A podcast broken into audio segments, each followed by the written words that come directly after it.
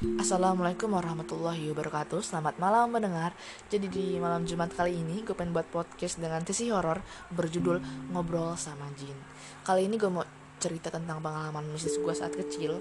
Saat gue masih tinggal di rumah gue yang asli Di mana masih ada pengasuh yang gue panggil Bude Kejadiannya waktu itu malam-malam Kalau gak salah sih ibadah Isya.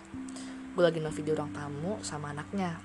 Gak lama pengasuh gue tiba-tiba bilang ke gue gini Dek, Bude tidur dulu ya. Kalau ada apa-apa bilang Bude aja.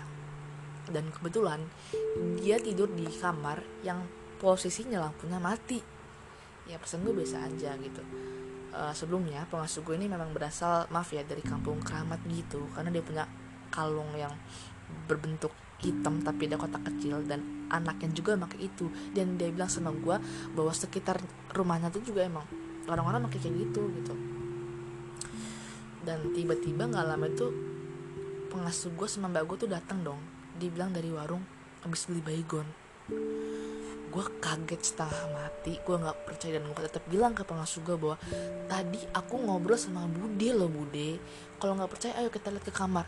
Pas gue nunjukin ke kamar nggak ada orangnya dong. Itu gue yang kaget dan takut banget. Sampai sekarang masih kebayang-bayang. Terus gue bilang ini kan terus tadi aku ngomong sama siapa dong gitu kan? Akhirnya gue lari gue ngadu ke bibi gue yang kebetulan samping rumah gitu kan atas pengalaman yang gue alami tapi herannya tuh anaknya tuh malah ketawa. Kayak nggak kaget gitu loh soalnya tuh tuh kayak biasa gitu. Dan nggak takut gitu deh.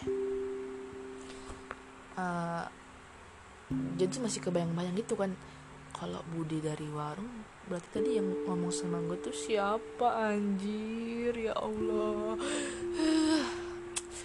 Dari kejadian itu gue nggak tidur di rumah. Gue tidur tempat bibi gue karena gue kebayang-bayang ya Allah. Itu seneng banget dah. Tapi itu aja pengalaman yang bisa gue bagi. Next gue bakal kasih cerita cerita horor yang mungkin nggak masuk logika gitu ya. Selamat malam